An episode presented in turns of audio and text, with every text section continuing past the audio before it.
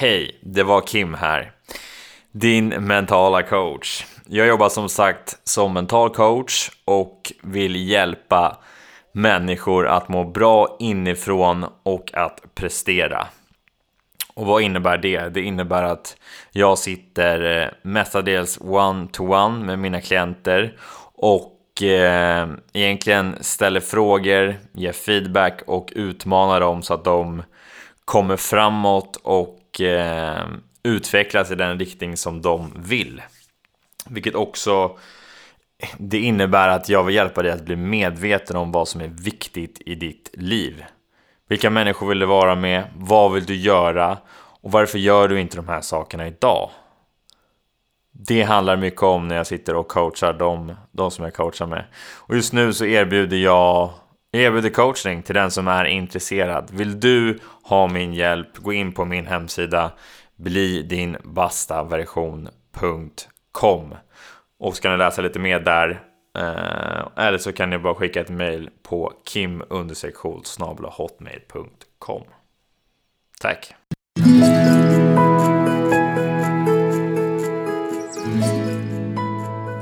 Välkommen till Bli din bästa version. Mitt namn är Kim Schultz. Jag är en livsstilsentreprenör med ett stort brinnande intresse för sport och hälsa. Varje vecka kommer jag att ge er inspirerande personer eller meddelande för att låsa upp er inre bästa version. Nu kör vi! Doktor Marie tipsade mig om att ha med dagens gäst och jag får bara säga tack så mycket Marie för att du kopplade ihop oss. Jag hade eh, väldigt... Eh, jag, det var länge sedan jag skrattade så här mycket i en intervju. Och eh, det var väldigt härligt och eh, en skön energi när jag träffade veckans gäst då, som är Eva Eriksson. Eh, hon är uppvuxen på en familjegård i Karlskoga och för att berätta lite mer om henne så har hon cyklat jorden runt och samlat in en halv miljon kronor till barnhem i Thailand. Vilket är väldigt imponerande. Eh, och idag håller hon i retreats inom yoga, meditation och andningsövningar. Samt utövar hon Alchemy of Touch som är en massageform. Eva driver sitt eget företag och parallellt jobbar med hållbarhet. I det här avsnittet pratar vi om när Eva och en av hennes kompisar cyklade jorden runt och vad hon lärde sig under den här resan. Att hon älskar att resa och upptäcka och lära sig nya saker. Vad stillhet och meditation kan göra med oss och att man inte alltid ska tro på sina tankar. Samt hur meditation kan göra att vi lär vår, känna vår kropp bättre. Hur hon kom i kontakt med yoga och meditation under en resa i Bali 2014. Vi kommer också in på universum och hur det ger oss erfarenheter och saker vi behöver i livet. Eva berättar också vad Alchemy of Touch är för något. Det här blev verkligen ett eh, blev intressant och ett jäkligt roligt avsnitt, så tack för det Eva. Eh, lyssna och njut. Utan vidare introduktion, här är Eva Eriksson. Eva, nu, nu är vi live.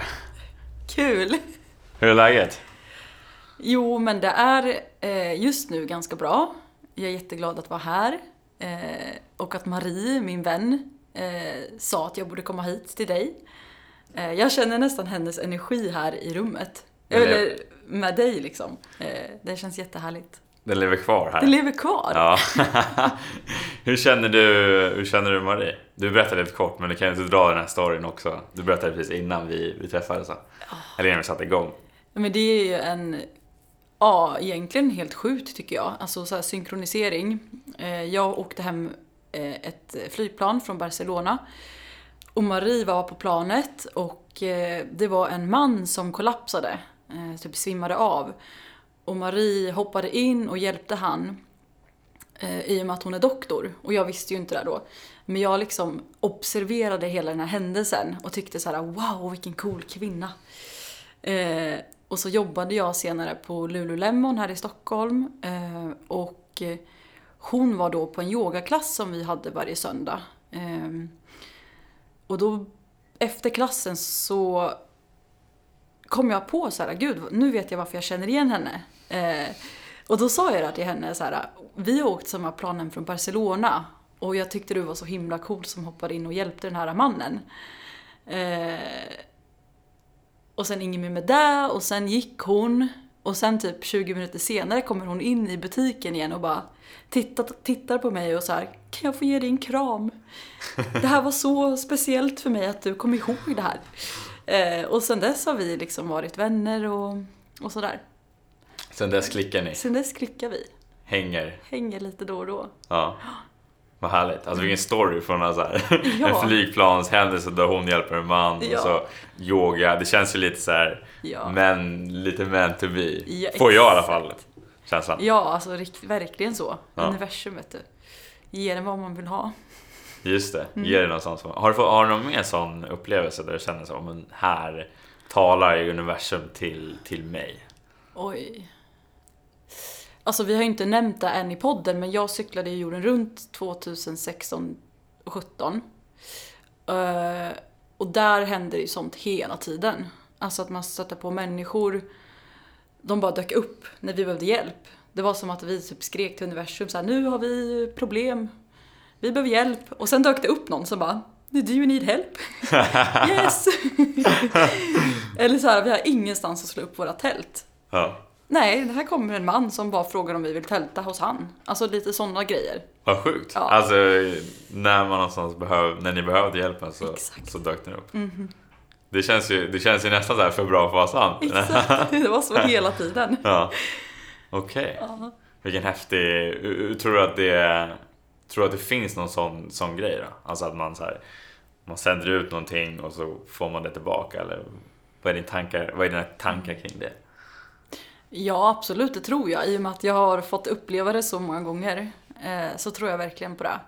Att vad vi sänder ut till universum och ber om kommer komma till oss. Absolut. Ja, ja, ja. 100 procent. Men den här, eh, du säger att du cyklade jorden runt, alltså Mm. vilken jävla grej. Cyklade jorden runt, alltså eh, vad, vad innebär det till att börja med? Alltså jorden runt är här alla länder, alla, det, alltså, det alla jag tänkte säga delstater, men det är ju alla kontinenter. Ja men exakt. Nej men det var jag och två vänner som cyklade från Thailand till Thailand. Eh, Ah. vi samlade in pengar till ett barnhem i Phuket. Eh, så under 14 månader cyklade vi i 25 länder. Eh, alltså vi korsade ju, från Thailand cyklade vi till Singapore, sen Indonesien. Vi cyklade genom Australiens öknen, ut till kusten till Sydney. Vi cyklade i hela syd och norden i Nya Zeeland korsade USA från LA till New York eh, och vi cyklade sen från Portugal, Sydeuropa, Balkan till Istanbul i Turkiet och sen längs med Svarta havet. Georgien, Azerbajdzjan, Kazakstan, Kina, Laos och tillbaks till Thailand. Shit alltså. Ja. Och sen hade vi samlat in en halv miljon till det här barnhemmet. Det också, alltså. Shit. Mm. Så det var, alltså, syftet med resan var egentligen insamlingen till barnhemmet. Och att inspirera människor att eh, resa på ett mer hållbart sätt. Och att visa upp en snäll värld. Mm. Hur menar du med, med ett hållbart sätt? Att man kan cykla eller att man kan, eller tänkte du? Ja, men alltså att... Alltså vi flög ju några gånger såklart. Vi cyklade ju inte på havet. Mm. Men att så här, cykla genom ett land istället för att flyga till ett ställe och sen vara på ett hotell eller hyra bil. Att cykla, så det ger så mycket mer. Du får liksom använda alla dina sinnen. Dofter, du får träffa människor som du aldrig hade träffat om du inte hade rest på cykel. Eh, Så om man gillar möten med människor så är det ett stort, stort tips Mm, att eh, cykla på nästa semester. Det kan vara i Sverige också. just det. Ja.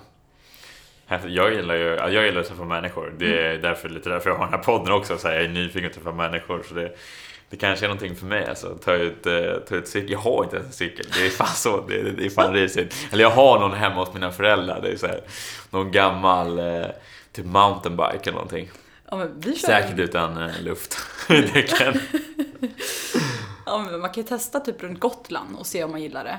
Ja, Jag skulle ju inte tipsa om att cykla jorden runt direkt som vi gjorde utan att testa att touringcykla innan.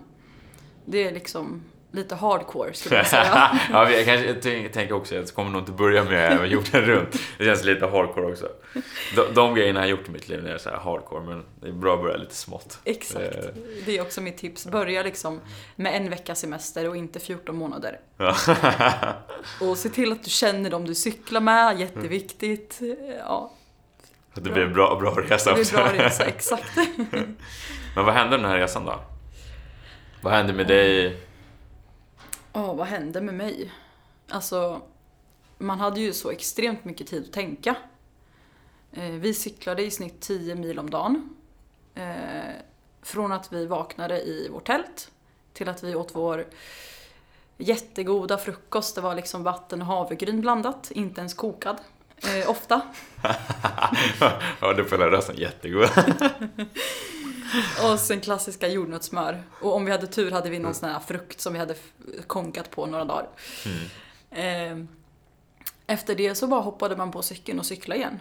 Oftast var kläderna fortfarande svettiga liksom från dagen innan. Om det var ganska kallt ute. Eh, Men sen cyklade vi ju. Vi bara cyklade och cyklade. Det har varit jättemånga poddar jag lyssnade på då såklart. Eh, Men också så mediterade jag väldigt mycket faktiskt. Eh, Innan jag åkte iväg på cykelturen så gjorde jag ett Vipassana meditationskurs. Mm. Alltså då jag var i tystnad i tio dagar och sådär. Så den tekniken försökte jag liksom applicera när jag cyklade. Eh, sen känna sensationer i olika delar i kroppen. Och sen räknade jag andetag. Men du vet, ja. Jag praktiserade att fånga upp när jag tänkte, alltså när jag svävade iväg helt enkelt. Okej. Mm. Så det var, var, det, var det liksom medvetet att du skulle gå den här kursen innan för att träna igång den, eller var det bara en, var det bara en slump? Nej men jag hade ju redan hållit på med yoga och meditation väldigt länge innan. Eller väldigt länge, några år liksom. Ja. Så jag var väldigt nyfiken på meditation och att testa olika meditationsstilar och sådär. Så det var väl ingen ren slump egentligen. Mm. Mer alltså av nyfikenhet. Eh, och jag är glad att jag gjorde den innan. Jag Mm. tror det hjälpte mig mycket under resan. Insåg, vad, ins, vad insåg du under resan då? Var det någonting mer som du så här insåg eller så här någon stor take från, från resan? Eh, ja, ett exempel är till exempel hur vi kan bygga upp, eller hur jag byggde upp eh, rädslor i min hjärna. Det kunde vara allt från att så här, okej, nu kommer vi cykla i ett berg en hel dag. Uppför, uppför, uppför. Och redan innan så hade jag skrämt upp mig själv att så här, det här kanske jag inte ens kommer klara av.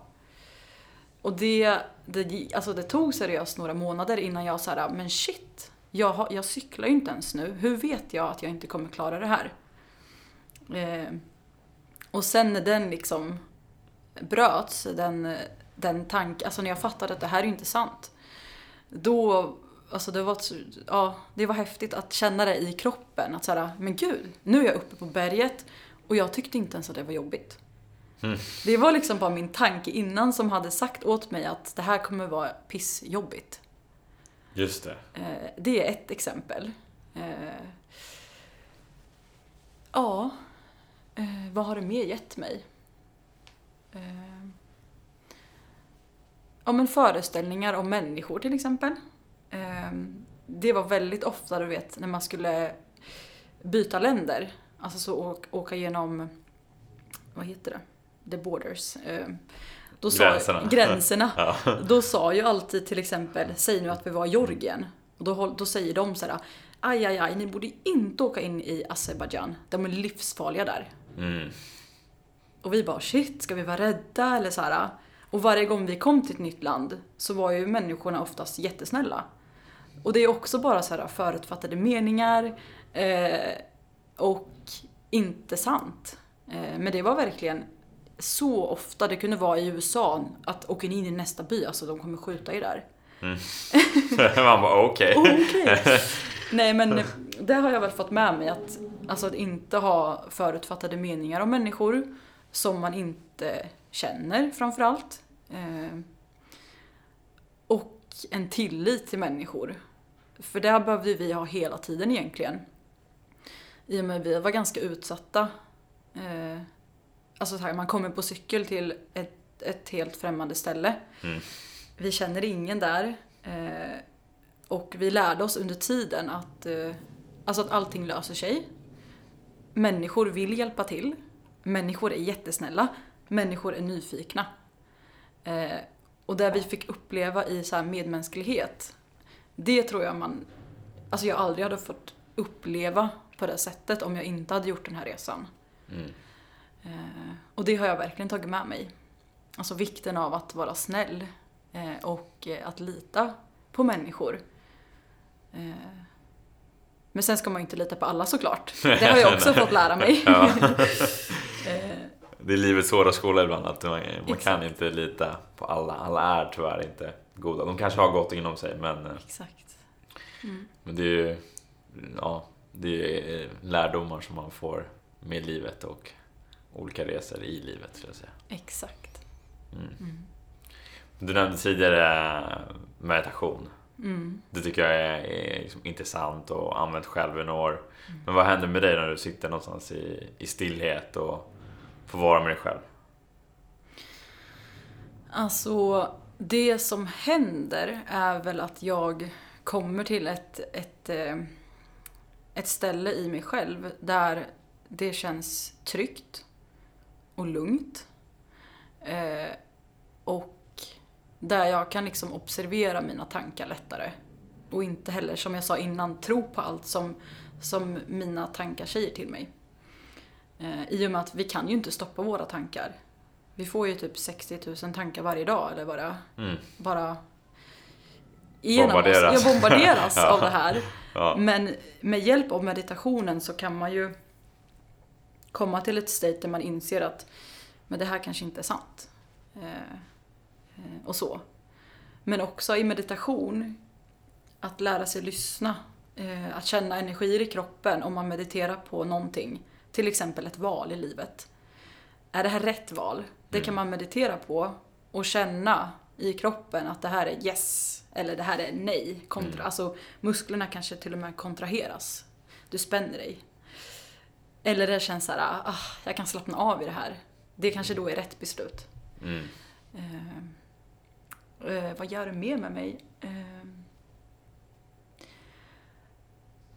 jag tror att jag är ganska bra på att så här, eh, njuta av tillvaron.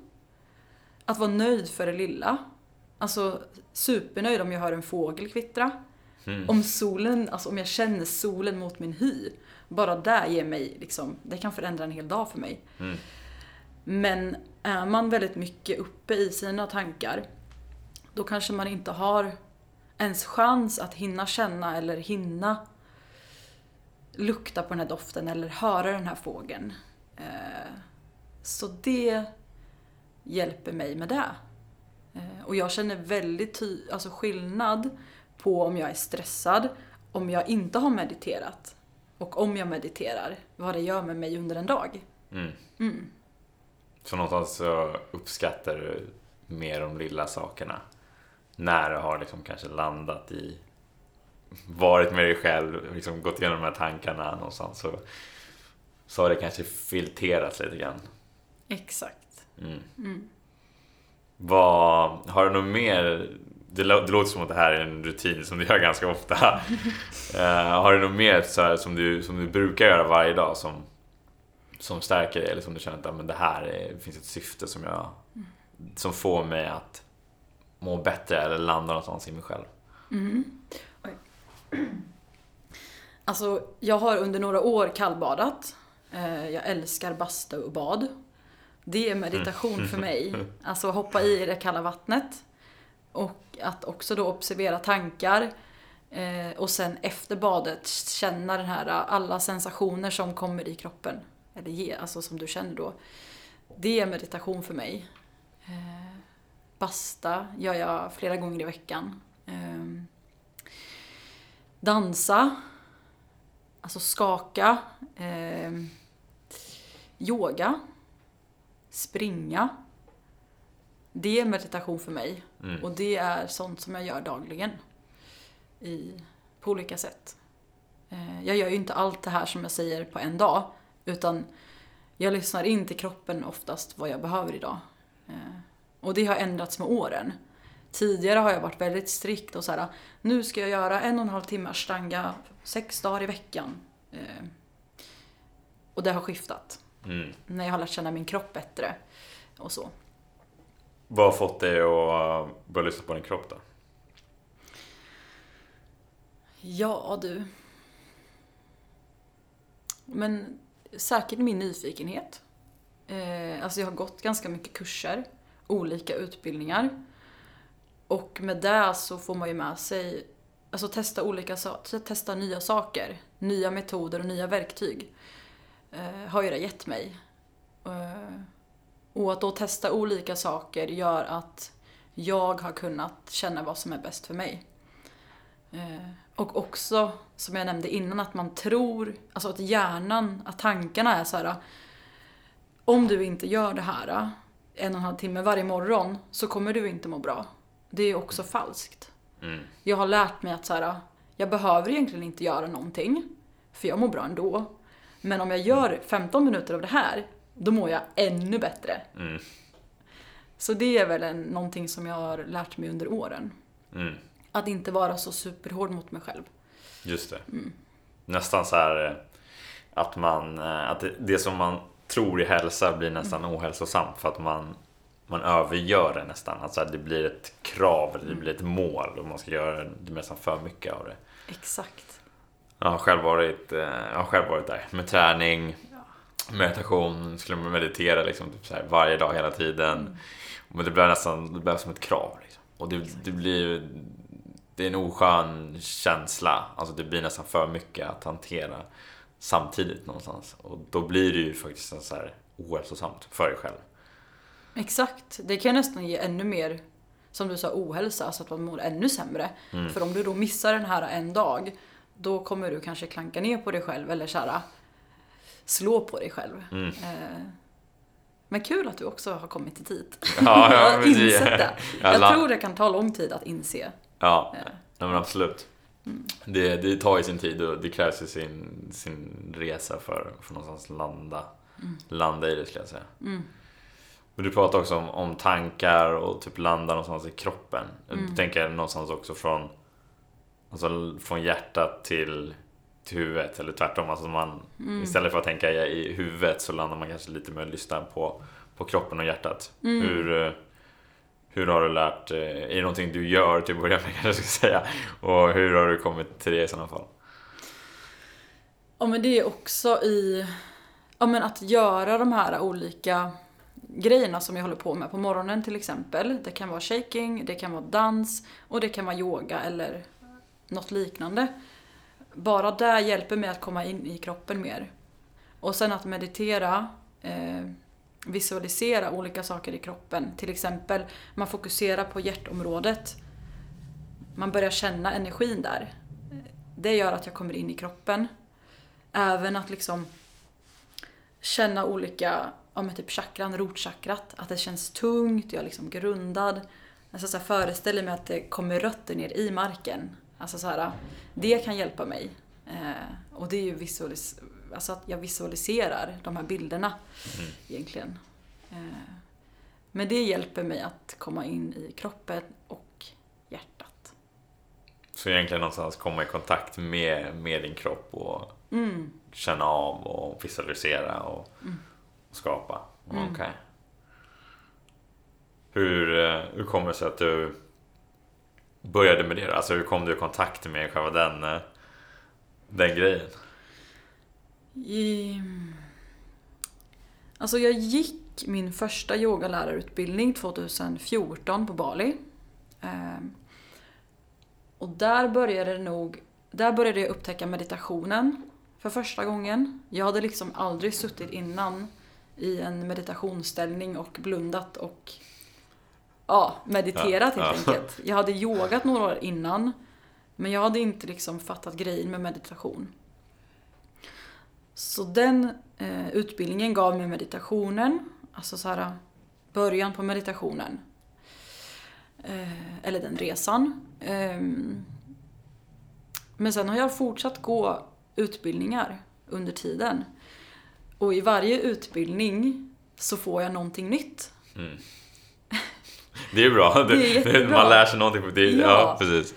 Så ja, men alla de här verktygen som jag får via kurser, utbildningar eller vänner till exempel, testa någonting nytt.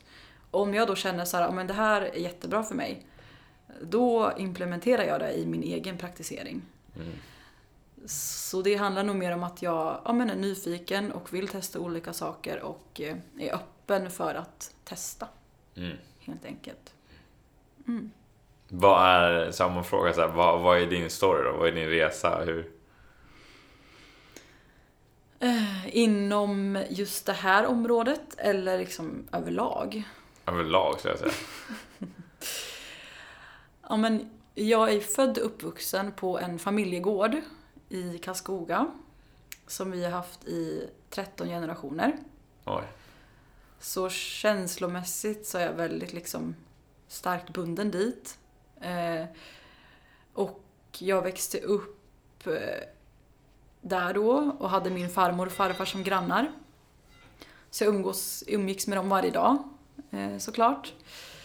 Eh, vi hade en lada full med djur, hundar, hästar, alltså alla, alla typer av djur. Eh, och jag älskade att hänga där i stallet och klappa på djuren. Eh, och att springa barfota i gräset, åka fyrhjuling, hoppa i hö med kompisar. Så jag är liksom uppvuxen i naturen. Vilket jag är väldigt tacksam över. För det är som att det kommer naturligt för mig att ja, men fördelarna med att vara i naturen, det pratas ju ganska mycket om det nu. Och för mig så är det liksom implementerat redan. Att jag vet redan fördelarna med det. Eh, och jag känner när jag behöver natur väldigt tydligt. När jag har varit i stan för mycket. Eh, nej men jag växte upp där och eh, ja, vad ska man säga? Gick på skolor där i Karlskoga. Eh, jag började spela handboll när jag var ganska ung. Eh, jag spelade i tio år. Eh, på gymnasiet så gick jag på då en idrottsskola. Det hade handboll som sport. Tränade väldigt mycket. Så, ja men träning var alltid... Jag vet inte, jag älskade att träna. Eh, jag tror till och med jag fick liksom på studenten, så här klassens, klassens tränings... Eh, någonting. Träningsnörd. Ja, nörden alltså. Och så fick jag stipendium för jag var skolans solstråle. Så jag har väl alltid också varit ganska glad av mig. Och så här öppen. Eh, Och folk har, eller människor omkring mig har oftast kommenterat det. Så det kanske är min story då. Alltså att jag har brunnit för rörelse. Eh, fysisk rörelse. Och att eh, vara öppen, tror jag. Nyfiken. Mm. Eh, ja, men sen efter gymnasiet, då började jag resa. Jag tror att det var jag och min kompis Jenny som först åkte Ja men den här klassiska Asien backpack-trippen. Fan, jag har inte gjort den än. Nej, då har du missat Jag har missat den. Nej men alltså du vet, du vet själv ju att när man reser och byter miljö, alltså det är någonting med det. Mm, det man händer lär, någonting. det händer någonting. Mm, kroppen, sinnet, Ja, alltså att- intryck. Ja, du träffar nya människor, du får inspiration. Ja, jag blev ju hooked på att resa. Så det var min grej. Jag kom hem, jobbade på ICA, eh, helst på kvällar och helger då man fick mycket OB. Bra pris. Jag sparade alla pengar jag kunde, tränade mycket. Jag, jag gjorde en svensk klassiker också. Oj, Det gjorde jag direkt efter gymnasiet. fan vad tidigt. Ja, men då tränade jag med mina lärare. Så Ah. de var faktiskt en stor inspiration till mig. Ah. Alltså jag, när jag ser tillbaks på gymnasietiden så blir jag nästan, alltså jag blir varm i kroppen. Alltså det var en sån härlig tid. Jag vet många vänner är så här, oh jag vill inte tänka på gymnasietiden, den var hemsk. Men för mig var det verkligen underbart. För det var en sån liten skola. Eh, alla gick runt med sina träningsoveraller. Vi hade en privat kock som lagade jättegod mat. Vi tränade mycket. Lärarna var väldigt inspirerande. Eh, så det var med dem som jag faktiskt eh, började göra en svensk klassiker. Shit. Ja. eh, och sen började jag ju resa. ehm, och sen åkte jag till USA. Jag hade släktingar, eller jag har släktingar där. Mhm. Väldigt så här långt ifrån. Alltså så här typ sjunde kusin med min farfar eller något. Men som jag fattade så älskar amerikaner svensk, Sverige. Ja, okej. Så de har ju släktforskat och kontaktat oss för jättelänge sedan, innan jag ens var född. Och de fortsatte skriva brev till min farmor. Men hon kunde ju ingen engelska. Han bara, vad skriver de? Exakt. inte. Så när jag var 13, då började jag svara på de här breven. Och då var det John och Caroline, 89 år från Pennsylvania liksom. Oj. Superglada att Eva, 13 år, började skicka brev till dem. Men så vi höll kontakten. Det övergick sen från skriftligt brev till mail. Eh, vilket var lite smidigare. Uppgraderade. Ja. eh, och sen när jag hade tagit studenten vet jag att jag åkte di- dit på obestämd tid. Eh, och då kom jag till Pennsylvania, var där, älskade att hänga där.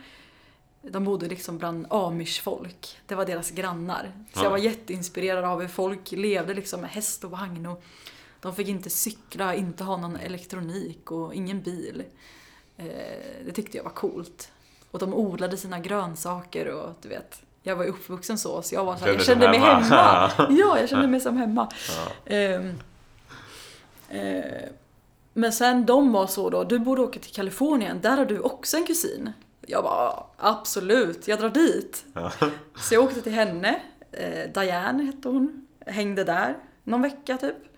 Och hon bara så här, jag har en kusin på Hawaii, du kanske ska åka dit? Jag bara yes! Jag åker till Hawaii. så jag har, alltså jag kom till USA och så här, trodde jag hade en släkting men sen du vet, de bara du borde åka dit och dit och dit. Och nyfiken och så här, ja, jag gillar, alltså jag bara körde på. Så, ehm, ja, sen slutade det med att jag flyttade till USA ett år för att vara au pair. Så då hamnade jag hos en familj i Washington DC eh, och jag bodde där. Eh, jobbade superlite. Jag hade det ganska lyx om man jämfört med många andra au pairer. Eh, så varje morgon var jag på en yogastudio i alltså downtown. Ehm, och det är väl där också min resa, att jag har gjort, gått på mycket studios och så och haft lärare som har inspirerat mig. Eh, så ja, jag fortsatte liksom yoga där ett år, eh, testa olika yogastilar, eh, gå till olika lärare, eh, hänga med människor som inspirerade eh, och gav mig saker och jag gav dem såklart saker. Eh, inspiration framförallt. Eh,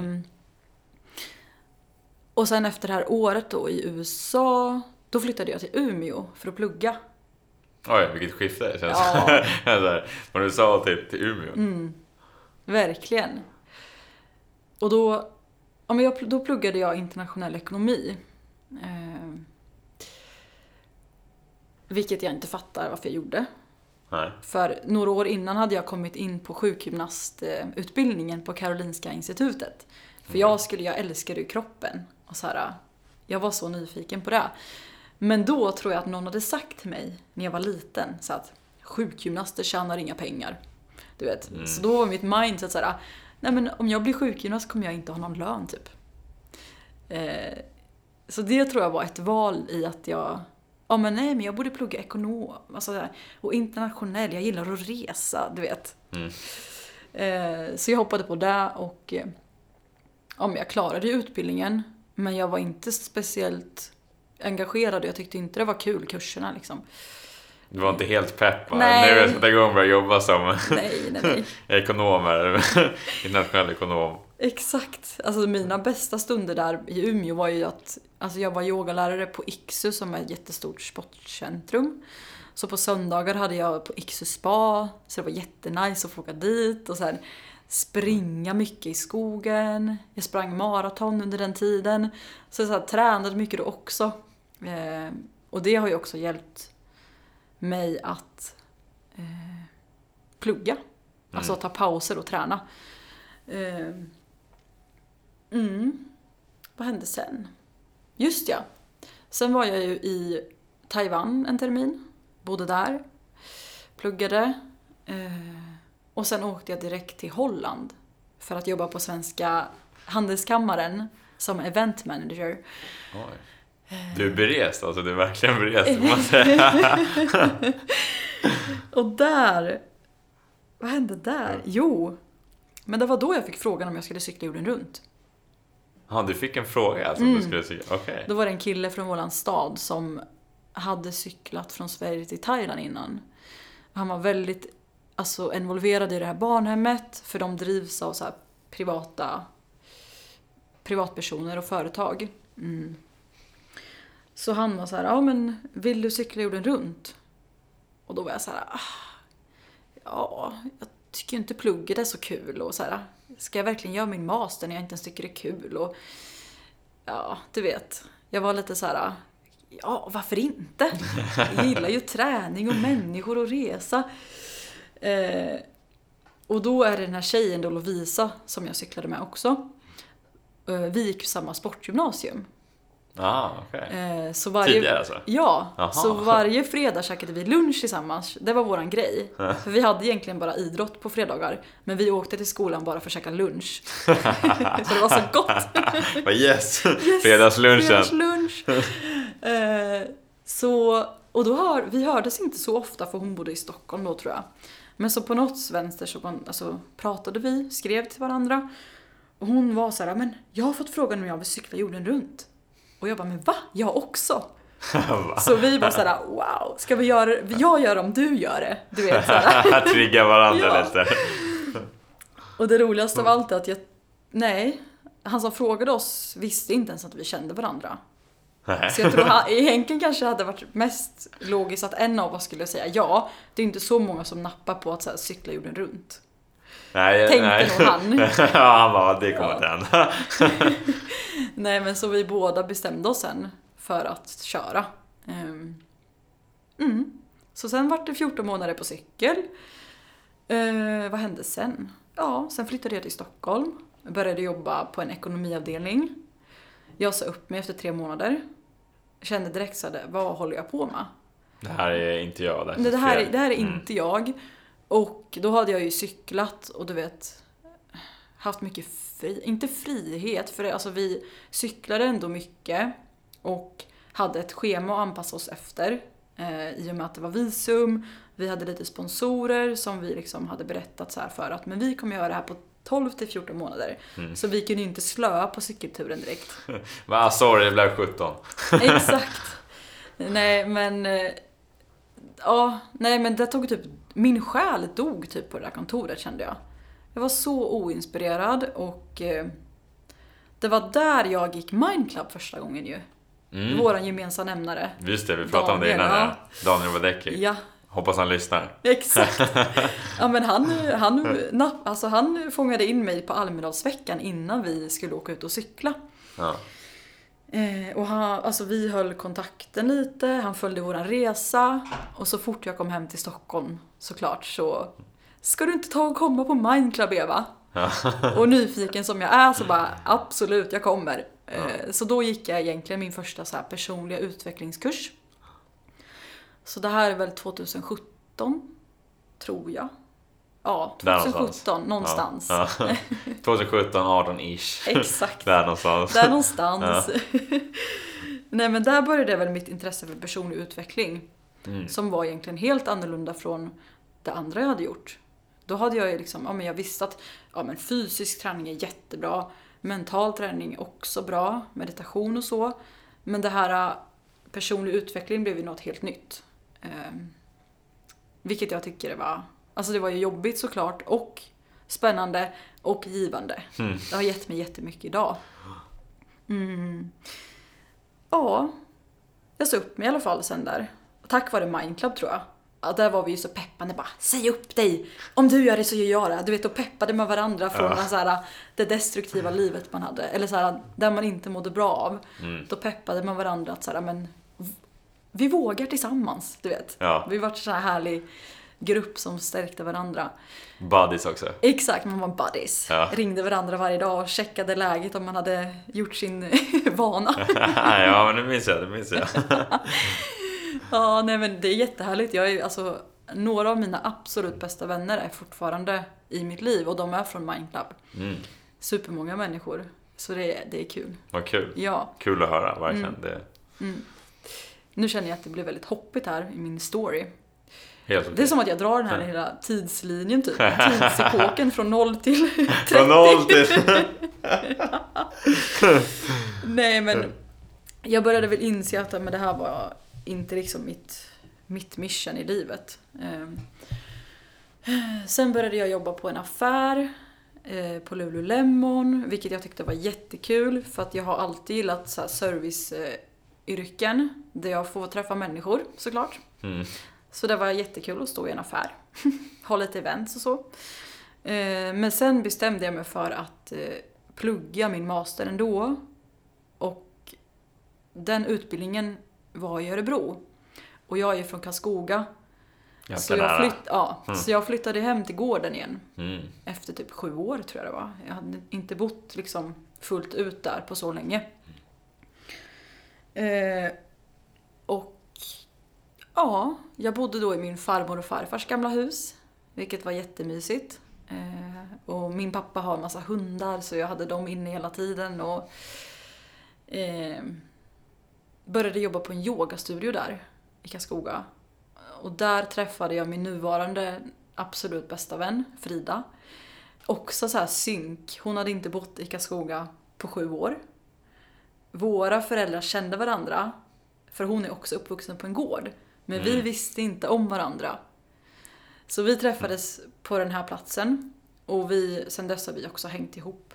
Eh, En av de andra som Ja, synchronicity som, var, som går ihop. Men det är också så här, vi är så lika. Jag tror det är, kommer mycket från att vi båda växte upp på gård. Och så här, vi älskar naturen, vi älskar djur, yoga, personlig utveckling. Så vi gör ju det här tillsammans liksom. Och det är så, så viktigt tycker jag att ha folk omkring dig som också vill utvecklas. Eh, ja, Ni klickade. Vi klickade Ni hade lite liknande intressen. exakt. Gav varandra ja, erfarenheter, energier, Mm. kan tänka mig tankar. Och, Ja, exakt. Vi ringer varandra varje dag. Så det, hon är jätteviktig för mig. Mm. Eh, just det. Och sen så hoppade jag på min masterutbildning och började plugga hållbarhet. Ah, okej. För det i Taiwan, då hade jag pluggat just en kurs som var eh, hållbarhet. Och det var väl den enda roliga kursen på fyra år, eller tre år skulle jag säga, för mig. Det, det var äntligen! Äntligen jag hittade min grej! Nej men också under resan, cykelturen, då växte, växtes, alltså då växte det här äh, intresset eller Ja men att få se vissa platser som var helt så förorenade, de eldade plast på varje gata, de liksom Människor var överviktiga. Ehm, ja, man såg liksom mycket som man aldrig har fått sett annars. Och då kände jag så här, men det här med hållbarhet, det är någonting för mig. Mm. Eh, så jag hoppade på utbildningen och eh, pluggade ett år och sen startade jag eh, tillsammans med min dåvarande pojkvän eh, upp retreats. Okej. Så vi hade yoga-retreats i skogen, där jag är ifrån. Och eh, hoppade jag av min utbildning. Eh, ja. Men nu är jag i Stockholm igen. Något år senare. Ja. Och eh, jobbar med hållbarhet. Eh, så det är jättespännande. Samtidigt som jag driver mitt egna företag. Som jag gör inom då yoga, massage, retreats. Just det. Lite så. Hur kommer det sig att du ville starta det då? Alltså, retreats, bjuda in människor, Mm. jobba med personlig utveckling tänker jag. Och var kommer det ifrån?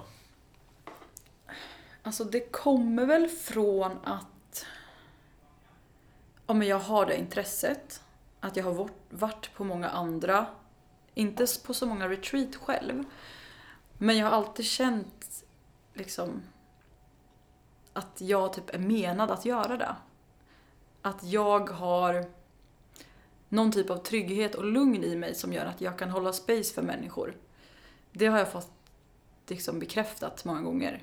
Eh, så det var väl egentligen därför jag har känt i flera, flera år att jag vill hålla retreats. Och Mm. dela med mig av allt från min mat till hur det kan vara och kännas att vara i naturen. Basta, bada, göra yoga, eh, shaka, eh, meditera. Eh, ja, det är på den vägen. Mm. Du pratade lite innan om, om känslor. Mm. Eh, hur, hur har du lärt dig att komma i kontakt med dina känslor någonstans? Mm. Och det är så olika, eller det är på så många olika sätt. Eh, men Mindclub var ju absolut en del, alltså en, en, ett stort verktyg. Att fatta kopplingen mellan hjärna och hjärta. Eh, men också under typ meditationsutbildningar. Eh, att observera vad som händer i kroppen när den här tanken kommer upp. Hur känns det i kroppen? Ehm, Mm. Att prata med människor. Alltså du vet, att vara sårbar bland människor. Att känna igen sig själv i andra. Alltså spegla. Eh, att dela. Om, ja, om sårbara grejer. Det har hjälpt jäkligt mycket. Mm. För det är lätt och jag tänker själv på, på min egen resa. Jag har gått Mindclub. Eh, eh också när jag var yngre, jag var liksom 14-15 fick jag, fick jag finnar. Väldigt osäker på mig själv. Eh, fick jättedålig självkänsla. Och isolerade mig ganska mycket. Alltså det var så här, min fråga jag ställde mig själv, jag ser inte riktigt bra ut. Så frågan jag ställde mig själv. Eh, så jag undvek att gå till plugget. Jag undvek att gå till, eh, men så här, jag undvek att spela fotboll som jag älskade. Jag undvek att vara med mina kompisar. Alltså, så här, det, var, det var jävligt jobbigt. Fem, sex år så, så var jag med de känslorna själv. Men jag berättade inte för någon. Och så här, det begravde ju mig någonstans. Så här, jag satte på en mask när jag väl var med mina kompisar när jag väl spelade fotboll. När jag var i, i plugget. Sen när jag kom hem och var med mig själv, då var jag ju så här, jävlar vad jag mådde dåligt. Alltså jag, jag satt ju med alla de känslorna själv. Ah. Och det var ju så, det som förändrade det egentligen var när jag åkte på en resa. På tal om att åka till Australien och resa så händer ju någonting. Och då, då egentligen eh, hälsade jag på min barndomskompis som hade flyttat dit. Och det som gjorde skillnaden var att han vågade öppna upp sig och var sårbar. Då vågade jag också göra det. Och där släpptes ju liksom min, min stora sten. Och sen dess har jag ja, men, pratat känslor. Alltså vågat vara sårbar, vågat vara öppen. Eh, Och det, det är så jävla mycket skönare. Min självkänsla blir så mycket bättre. Att så här, det handlar inte om att, ja, men att man ska se bra ut, man ska vara perfekt. Utan så här, berätta vad du tänker, vad du känner. Det blir så mycket enklare att kunna, man behöver inte göra det i alla sammanhang. Det förstår jag. Att man inte behöver göra, men att man kan dela med några i alla fall. Några som är ens närmsta vänner. Det är så skönt att kunna göra det. Och det händer ju någonting när man, när man gör det. Alltså att kunna få ut de här känslorna istället för att bara, du vet, bara förtrycka dem. Att verkligen Ja. känna dem och kunna prata om dem. Exakt. Så viktigt. Mm. Tack för att du delar. Ja, tack för att du, Mm. tack för att du lyssnade. Nej men jag håller med. Alltså, jag tror stenhårt på att vi lagrar alltså, sånt som vi trycker ner i kroppen. Som vi inte vågar liksom ge uttryck för. Eller våga känna. Det tror jag verkligen lagras i våra kroppar. Eh, I form av stagnerad energi eller kontraktion på muskler, du vet. Att jag tror också det kan verkligen skapa sjukdom. Eh, Så ja, jag håller med. Så viktigt att man har ett gäng som man kan vara sårbar med. Och som du säger, man behöver inte vara det till allihopa. Men att ha ett några som man verkligen kan ringa när som helst och prata med. Superviktigt. Ja men verkligen. Det, det är ju, man behöver ju någon som man kan men så här, prata om sin, sin skit bokstavligen. Alltså så här, sin, sin ryggsäck eller det man går igenom. För det, det blir jävligt jobbigt att hitta med de känslorna själv. Mm. Eh, Och det kan vara skönt att ha någon som lyssnar. Mm. Det behöver inte vara mer än, mer än så heller. Till en början i alla fall. Man behöver inte alltid komma med, med goda råd. Men bara ha någon som lyssnar gör, kan göra en jäkla skillnad faktiskt. Exakt. Och det kan jag tycka nästan är finare. Att bara lyssna. Mm. Och så här, finnas där. Ge, alltså bara kunna, kunna sitta där och lyssna och ge trygghet. Det ger hur mycket som helst. Mm. Men verkligen, det är bara det som det man behöver ibland. Mm. Så bara ha någon, någon som lyssnar och bara finns där. Bara känna att någon finns där Exakt. någonstans. Är, ja, det är viktigt. Mm. Verkligen. Vad... Jag tänkte tidigare på personlig utveckling. Du sa att så här, den, den tycker ändå jag är, den är jävligt intressant. Alltså jag tycker ju själv jag har ju en podd om personlig utveckling i princip så det är klart jag tycker det är jävligt intressant. Men, men det som jag tycker, det som tog mig ett tag att förstå att så här, men fan det kan vara ganska jobbigt. Eh, speciellt om man så här, någonstans påbörjar den inre resan som vi pratar ganska, så här, ganska mycket om. Ja. Vad, vad, är, vad tänker du där? Hur, hur vågade du påbörja den inre resan, börja titta inåt? För det kan vara ganska jobbigt att göra det. Exakt. Ja men det började också under att jag cyklade faktiskt. Alltså jag tror det var att jag fick spendera så mycket tid med mig själv på cykeln. Eh, oftast utan liksom mobil och saker som vi oftast distraherar oss med. Eller distraherar oss, vad säger man, från? Nej, med. Nej, det som är. Ja, du, du satte det rätt från början. Nej men, alltså. När jag inte gjorde det, eller så här. Det var då jag började inse att så här, eh, att jag tror att det skulle hjälpa mig att utvecklas ännu mer. Ehm, och det handlade, liksom, det handlade om allt från relation till föräldrar, till gamla vänner, till destruktiva partners, alltså förhållanden. Mycket så här med eh, medberoende. Ehm, jag började inse där liksom att ja men ja, våra föräldrar har gjort det bästa de kan med sin erfarenhet. Men många har ju inte fått sina behov tillgodosedda när man var liten. För att de kanske inte hade den kunskapen då. Eh, Och det har ju påverkat oss såklart. Mm. Ehm, Så jag har läst mycket om anknytningsteorin och ja, men satt mig in ganska mycket i att förstå mitt förflutna om man säger. Varför jag har ja, gjort det jag har gjort och eh, varför jag har varit i destruktiva relationer till exempel. Mm.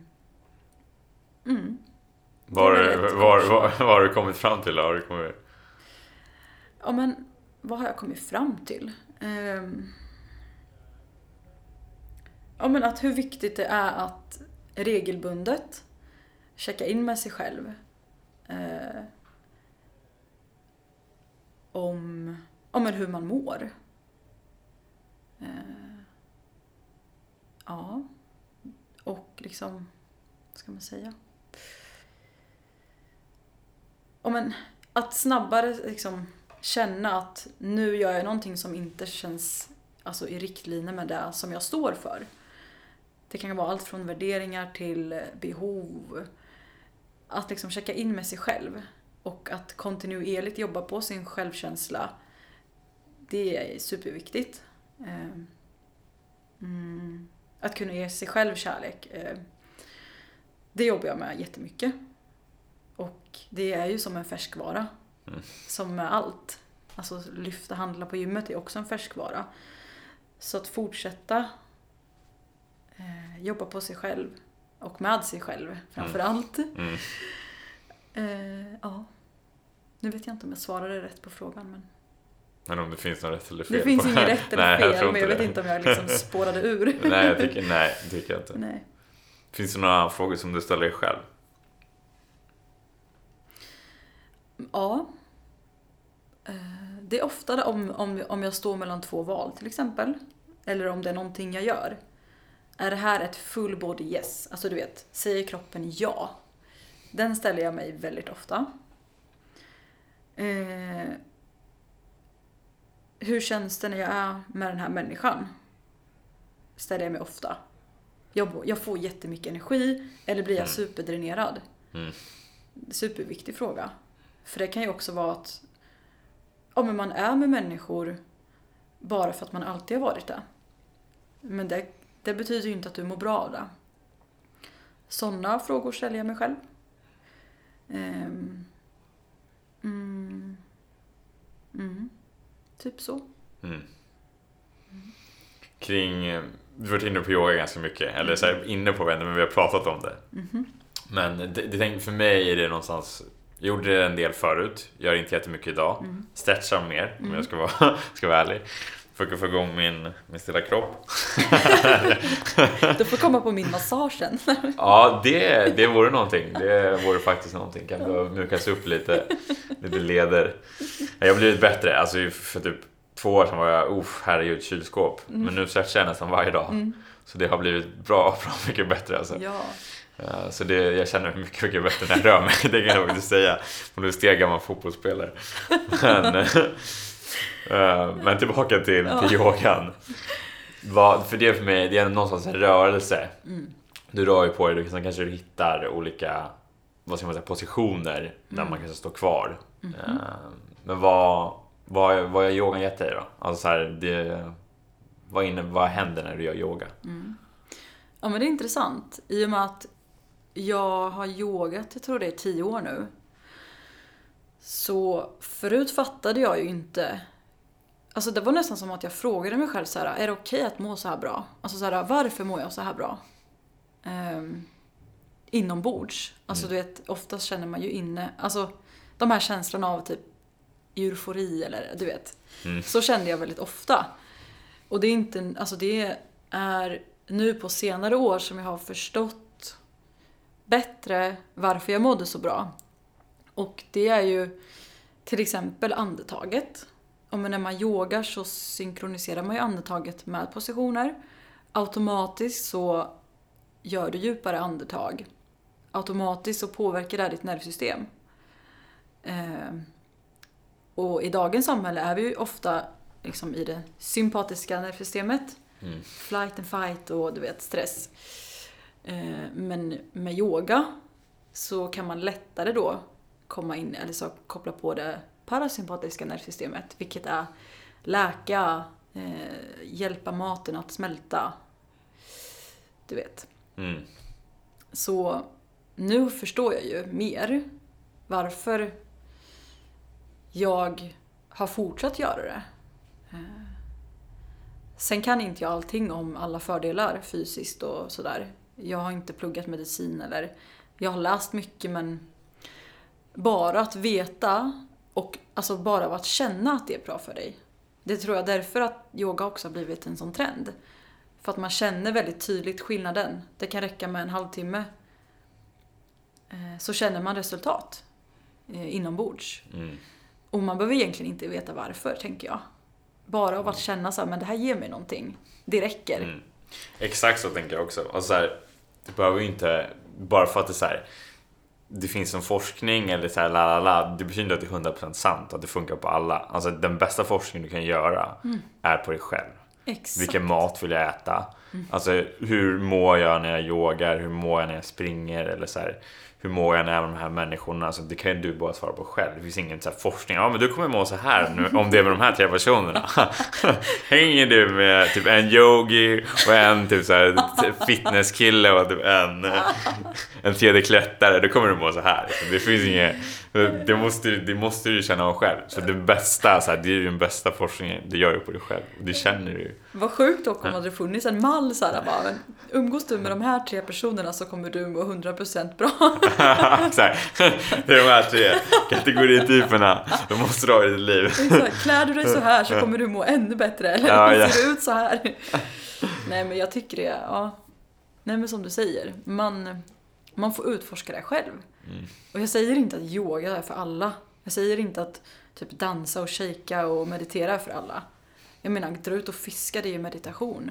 Det kanske är meditation för någon som inte gillar yoga. Eh, Man får hitta sin grej liksom. Mm. Ja, exakt. Få hitta sin egen grej. Ja.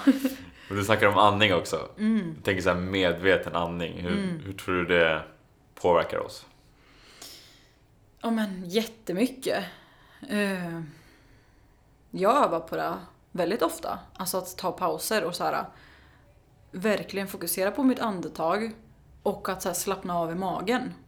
För speciellt kvinnan tror jag, men även mannen. Du vet att man ska ha så här spänstig kropp och man ska spänna sig och brösta upp sig. Eh, dra in magen. Alltså det är inte bra för våra organ. Nej. Alltså så här, andas vi djupt ner i magen, men då får våra organ också automatiskt liksom en massage. Ehm, Så att, eh, ja men att sitta ner, ställ en timer och andas djupt. Det, ja, alltså det gör ju skillnad både mentalt och fysiskt för dig. Skulle jag säga. Och jag övar på det. Eller jag gör det varje dag och jag försöker hela tiden få in det mer under dagen. För det är lätt att man säger, men nu sitter jag här på min yogamatta och nu ska jag göra det här. Mm. Men resten av dagen då, ja. Just det, vad, vad händer då resten Mm. av dagen? Där var på det i alla fall. En kvart, en halvtimme eller hur Exakt. länge man är där nu. Men sen då? Exakt. Men det är någonting jag har upptäckt under de här tio åren av utforskande av yoga och sådär. Att, alltså det faller typ på plats. Alltså ju, med tiden. Eh, alltså att man förstår. Varför händer det här med mig? Eller min kropp, varför mår jag så här? På något sätt så här, om man bara fortsätter att praktisera så faller det på plats till slut. Eh, det har jag upptäckt i alla fall. Att svaren någonstans Ja. kommer desto mer du Mm. praktiserar eller söker kanske. Exakt. Så att så släppa så här, att behöva veta, typ. Mm. Att man ska lita på att kroppen vet själv. Eller så här, det kommer till dig när du är redo för det, typ. Mm. I allt. Alltså, så tänker jag ofta hela livet, alltså med allt i livet. Inte bara andning och, och så. Att det finns en... ehm, det får mig att tänka på i alla fall att det är lite till- tillbaka till the universe. Alltså att det Mm. finns en... Allting har någonstans en mening Ja. av det som händer. Det finns en lärdom från alla, från alla erfarenheter. Om du väljer att se det så. Dock. Mm. Ja. Men jag, jag är liksom en, en stark believer av att så här, det, det som händer i livet, det, det händer för oss Exakt. och inte med oss. Exakt. Alltså återigen till cykelresan. Det kunde vara, vi stod liksom i, i ett, att välja på två vägar. Ska vi cykla höger eller vänster här? Mm. Så bara, hmm. Nej men vi kör höger. Ja, men då kanske vi träffar någon som är svinnice, som vi fortfarande har kontakt med. Du vet såhär, bara en sån, ett sånt val i livet leder någonstans. Mm. Och så tänker jag hela tiden. Eh, att så här, synkronisering och Ja men att vi kan få vad vi ber om. Eh, och vad vi behöver. Mm. det är Just ganska coolt. Det, ja, det är jävligt häftigt. Alltså, Mm. det, är- det, när du tänker, man, man tänker på det så är det verkligen så här. Mm. Valen man gör kan vara så jävla... Man, man vet ju inte. Men det är det som är det spännande också. Det roliga liksom. Man vet inte Exakt. var man hamnar, vilka man träffar och Exakt. vad man får uppleva. Mhm. Det är lite mystiken eh, bakom Ja. det vi kallar livet. Och det är det som är så spännande. Ja. Tycker jag. Också typ att bli äldre. Vet, här, man, blir så klo- man blir klokare för varje år. Man lär sig någonting hela tiden. Eller liksom med åren av sina misstag och erfarenheter. Eh, men att samtidigt fortsätta vara nyfiken och typ ha tillit till att men allting som jag behöver kommer komma. Och den personen som jag behöver i mitt liv kommer också komma. Mm. Eh, att man liksom säger det här till sig själv gör också, i alla fall för mig, att jag kan typ slappna av i det i stunden mer. Och i situationer där jag kanske inte trivs eller... Mm. Ja. Jag tror på det här alltså. Nu är vi två. Men du snackade om massage också. Ja. Du, jag har sett att du kallar det för Alchemy of, of touch. Ja. Kan, kan du inte berätta om, eh, berätta om det? Ja, Alchemy of touch. Ehm, men jag kom i kontakt med det ehm, när jag var på en festival på Ängsbacka eh, för några år sedan. Kan det vara tre år sedan nu eller två? Två tror jag. Jag är lite dålig på... Är år, åren, hur ligger det? Ängsbacka säger du? Eller Ensbacka? Ja, Ängsbacka. Det Ängsbacka. ligger i Molkom. Ingen aning var det ligger. Nej, det är liksom ett, ett center, en gård typ. Ja. Där det är mycket kurser. Allt från så här No Mind festival till tantrafestival till yogafestival. Ja. Så det är... Spirituellt Ja, det är spirituellt. Ja. Och eh, även icke-spirituella åker dit. Kanske för, av ren nyfikenhet.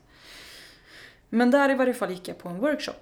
Eh, som var med de här lärarna, eller grundarna till Alchemy of Touch. Mm. Tapesh och Anouk. Eh, och det var någonting med det, alltså som fastnade i mig. Den, den stilen av massage. För jag har alltid älskat att masserat. Och det kommer nog också från att jag var liten. Jag älskade att så klappa på djuren och så här, ha kontakt med djuren med händerna. Så det kommer från det, garanterat. Och typ så här, odla, laga mat. Det är någonting med att skapa med händerna som, Mm. har, som jag brinner för. Eh, och ofta var det alltid vänner som bara kom till mig och bara Kan du massera mig? Alltså folk kom till mig och bara Jag sätter mig här så kan du pilla på mig. Så det är så här, jag har väl alltid vetat att, alltså att jag kan skapa saker med mina händer. Ehm, och eh, har tänkt länge så här, men jag borde utbilda mig, alltså jag vill gå någon kurs liksom. Och, och massera lite bara för att det är kul.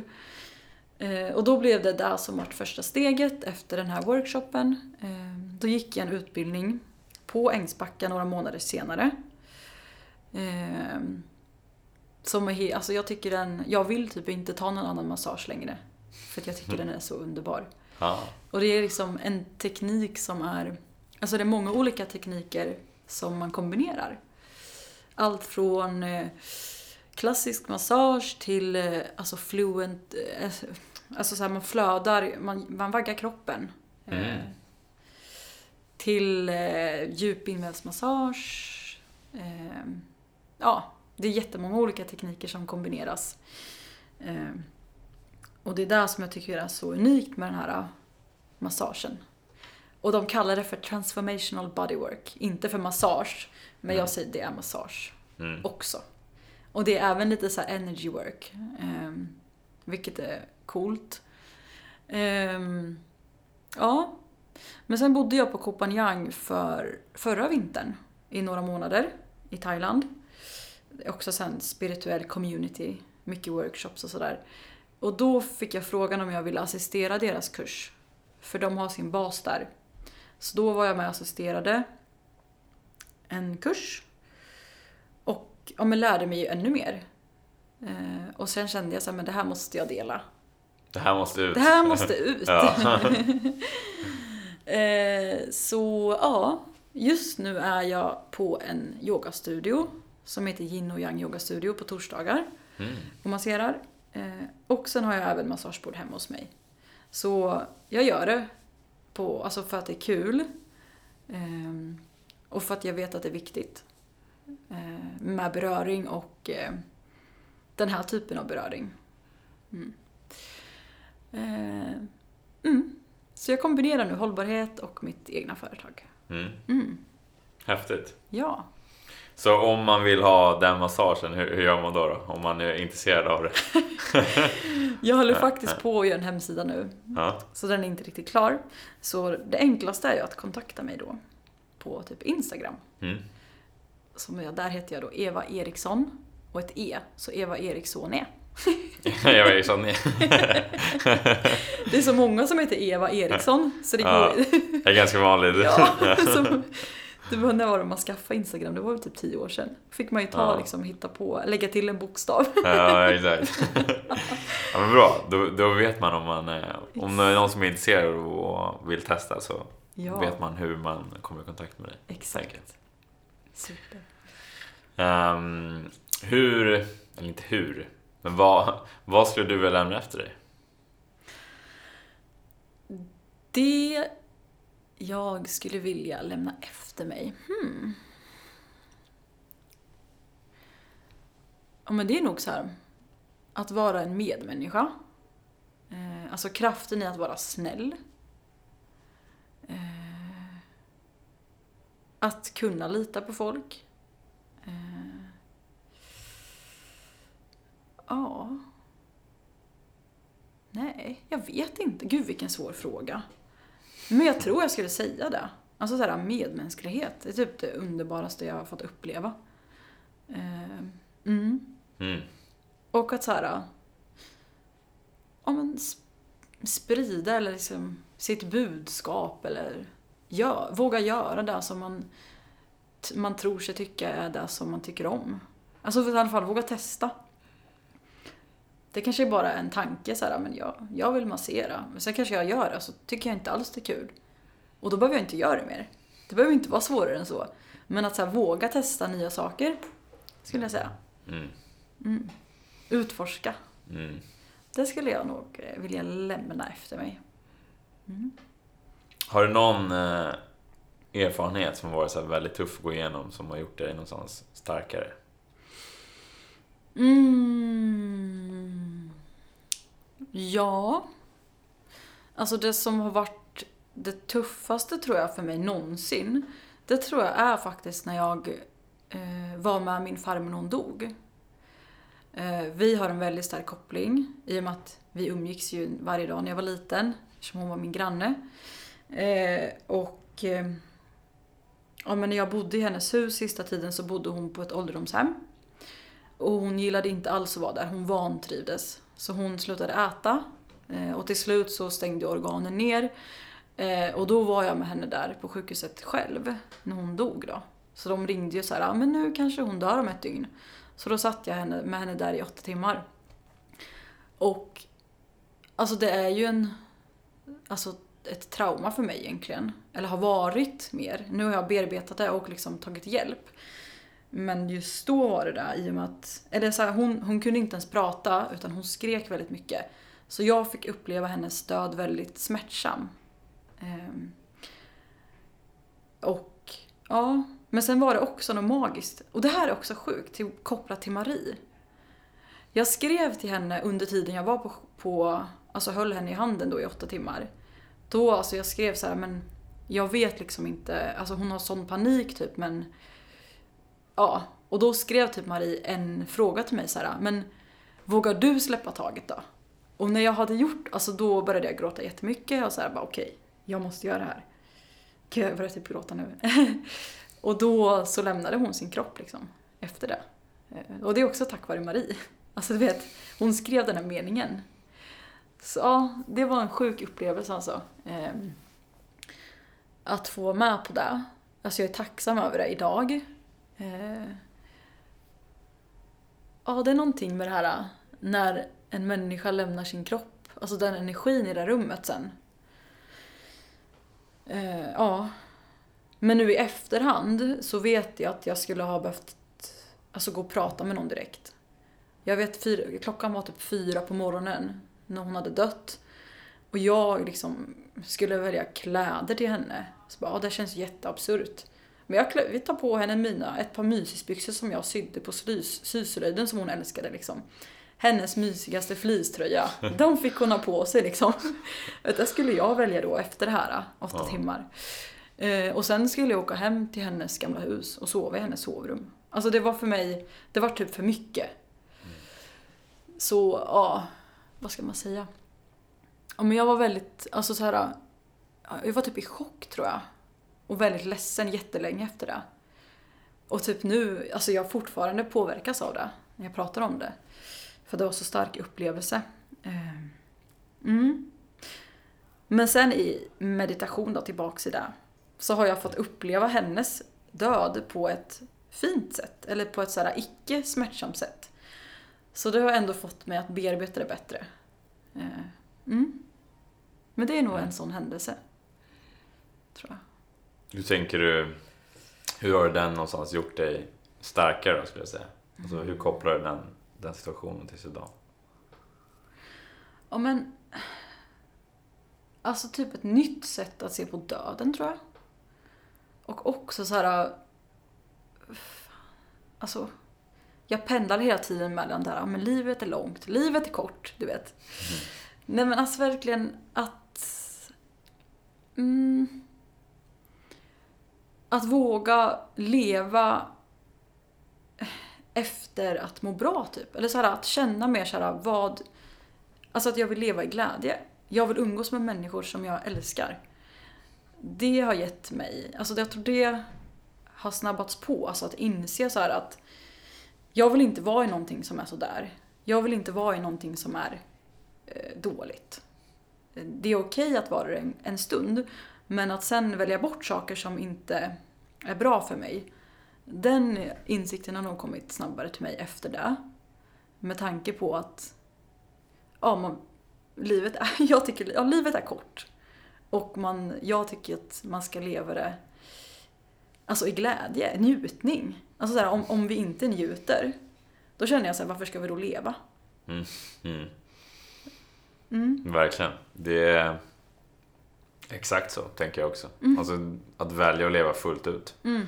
Men som du säger också att så här, ibland, ibland är det inte skitbra. Alltså, ibland går man igenom en tuff grej, ibland händer det saker. Mm. Man blir besviken, man blir sårad. Mm. Det är en del av livet. Men ändå att så här, försöka välja den, den vägen då som gör dig lycklig. Du har ändå ett val, du kan göra någonting för att, för att göra det. Du har en möjlighet att kunna, kunna sträva efter det. Mhm. Och det är min, min sanna tro också, verkligen. Mm. Mm. Verkligen. Ja, Mm. Jag gillar det. jag med. Bra.